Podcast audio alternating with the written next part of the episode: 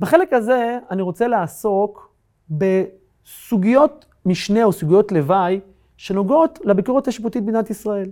למדנו בחלק הקודם על אה, שלבי הביקורת השיפוטית, ראינו כמובן שבמרכז הביקורת השיפוטית יש את הדיון בתנאי פסקת ההגבלה, אבל צריך להכיר עוד כמה סוגיות קטנות שבעצם משלימות את סוגיית הביקורת השיפוטית בישראל. הסוגיה הראשונה זה שמירת הדינים. סעיף 10 בחוק יסוד כבוד אדם וחירותו בא ואומר, אין בחוק יסוד זה כדי לפגוע בתוקפו של דין שהיה קיים ערב תחילתו של חוק היסוד. סעיף 10 בא ואומר, ביום שחוק היסוד נחקק 92, רק מאותו יום חקיקה שסותרת ערכי יסוד בחוקי יסוד, יכולה לעמוד לביקורת שיפוטית במסגרת פסקת ההגבלה. אבל חוק שנחקק לפני 1992, לא יעמוד לביקורת שיפוטית במסגרת פסקת ההגבלה.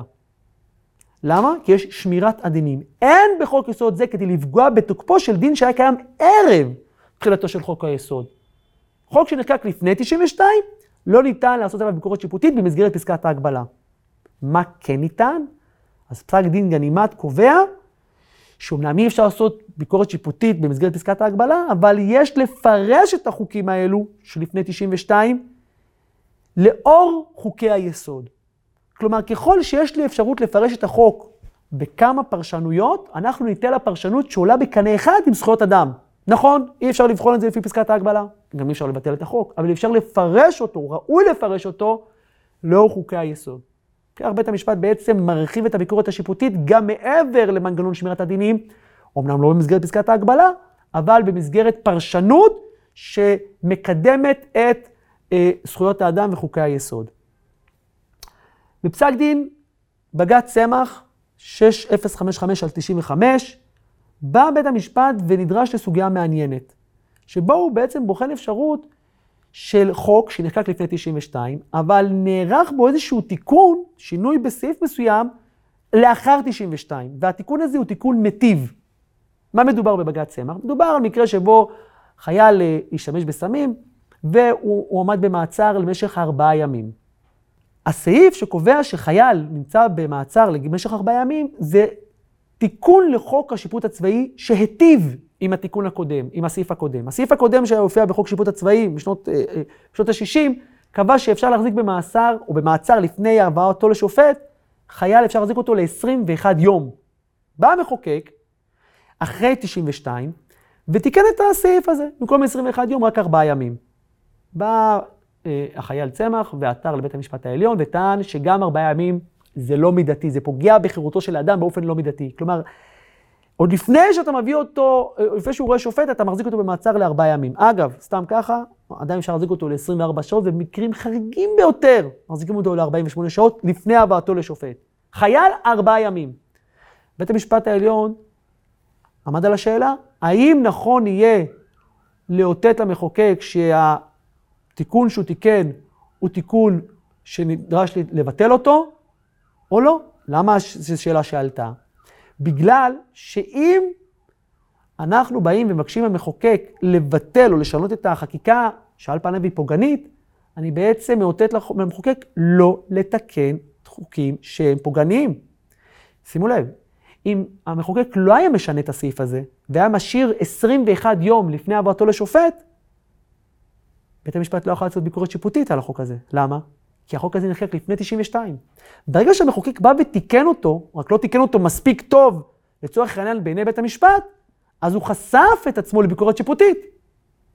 כלומר, יש כאן תיקון מטיב מ-21 יום לארבעה ימים, אבל כל עוד שזה היה 21 יום ולא נגעו בו, בית המשפט העליון לא יכול לעשות שום דבר. עכשיו תיקנו אותו לארבעה ימים, בא מאן דהוא כמו צמח, וטוען שארבעה ימים זה עדיין פגיעה בחירותו של האדם, ובית המשפט יכול להגיד, תבטל את החוק הזה. למה? כי ארבעה ימים זה גם כן תקופה שהיא לא מודתית להחזיק אדם לפני שמביאים אותו לפני שופט. בית המשפט התלבט ובסוף החליט כן לאותת המחוקק שהתיקון הזה הוא לא חוקתי ויש לשנות אותו. אגב, מעט באמת, כל פעם שהכנסת רוצה לשנות חוקים לפני 92, היא מעדיפה לפעמים לא לגעת בהם, למרות שהם פוגעניים. למה? כי ברגע שמתקנים אותם בשנ... בשנים הללו, זה כבר בעצם מפר את שמירת הדינים ומאפשר כל אדם לטעון שהתיקון לא מספיק איכותי או טוב בתפיסת עולמו, ומאפשר לבית המשפט העליון לעשות ביקורת שיפוטית. אבל כל עוד הכנסת לא נוגעת בחוק, שנחקק לפני 92, שמירת הדינים מגן עליה מפני ביקורת שיפוטית לפי פסקת ההגבלה. חשוב לציין שכמובן שמירת הדינים נוגעת רק לזכויות שמופיעות בחוק יסוד כבוד האדם וחירותו, בחופש העיסוק אין שמירת דינים. ניתן לעתור כנגד חקיקה שנחקקה בכל שנה משנותיה של מדינת ישראל. אם יש חוק שאתם מוצאים משנת אה, שנות ה-50 וה-60 וה-70 וה-80, ניתן לעתור כנגד חקיקה כזאת שפוגעת בחופש העיסוק, כי בחוק יסוד חופש העיסוק אין שמירת דינים. סוגיה נוספת נוגעת לחוק חורג, או כמו שמכנים אותה בז'רגון אה, אה, הציבורי והתקשורתי, פסקת ההתגברות. סעיף 8 לחוק יסוד חופש העיסוק בא וקובע מנגנון שאנחנו מכנים אותו פסקת ההתגברות. התגברות על מה?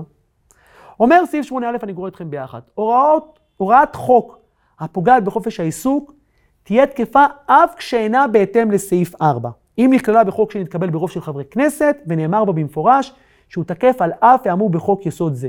תוקפו של חוק האמור יפקע בתום ארבע שנים מיום תחילתו, זולת אם נקבע בו מועד מוקדם יותר. בואו נסביר.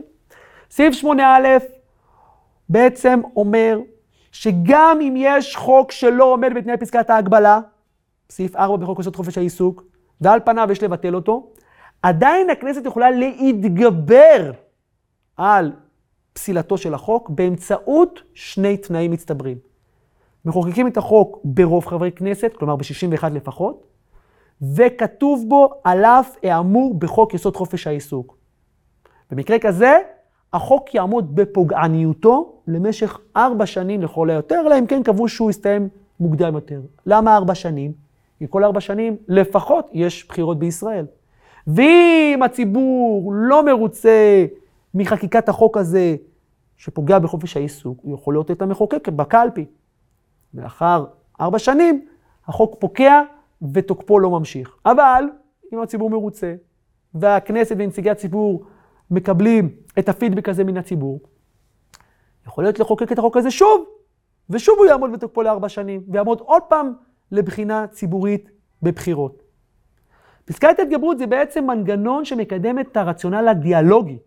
בשונה מהתפיסה של הגנה על ערכי יסוד, שבו בית המשפט העליון הוא אומר את המילה האחרונה, ובעצם הוא מגן עלינו מפני עצמנו, כן, ולא בטוח שבהסכמתנו, הרי שפסקת ההתגברות, סעיף 8א לחוק יסוד חופש העיסוק, בא ומעצב כאן דיאלוג שבו מצד אחד המחוקק מחוקק חוק, מצד שני בית המשפט העליון לפי סעיף 4 בחוק יסוד חופש העיסוק ופסקת ההגבלה בוחן את תוקפו של החוק.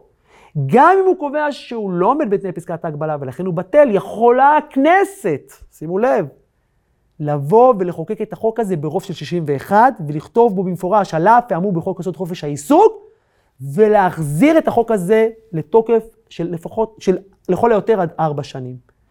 זה בעצם מנגנון שמייצר דיאלוג. זה מנגנון שמייצר את השיח בין הרשויות, כאשר זכות המילה האחרונה היא כמובן בהקשר הזה בידיו של, בידיה של הרשות המחוקקת.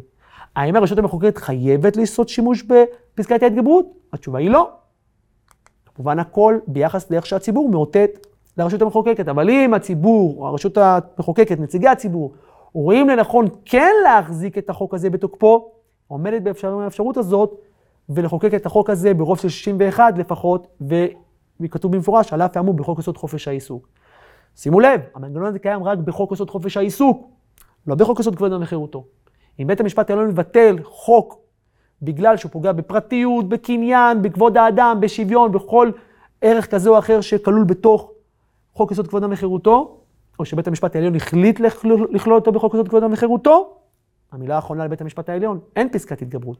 בחוק יסוד חופש העיסוק, יש לכנסת את האפשרות לומר את המילה האחרונה, כאמור במסגרת ההצדקה או ההנמקה הדיאלוגית.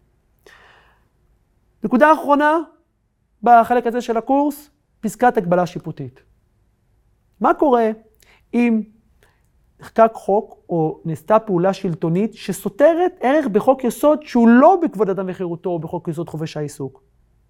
למשל, אנחנו רוצים לעשות איזשהו לחוקק חוק שסותר את הערכים שמופיע בחוק יסוד הכנסת. הזכרתי למשל את סעיף 4 בחוק יסוד הכנסת שנוגע לבחירות, שבחירות בישראל נעשות באופן ארציות, חשאיות ושוויוניות. שרצו להעלות את אחוז החסימה, אחוז החסימה פוגע בשוויון בין מפלגות קטנות למפלגות קטנות, יש כאן על פניו פגיעה בערך של חוק יסוד כנסת, בחירות שוויוניות. האם אנחנו בוחנים את הפגיעה הזאת גם לפי תנאי פסקת ההגבלה? למה השאלה הזאת חשובה? כי אם תפתחו את חוק יסוד הכנסת, אין שם פסקת הגבלה. פסקת הגבלה מופיעה רק בסעיף 4 בחוק יסוד חופש העיסוק, וסעיף 8 בחוק יסוד כבוד האדם וחירותו.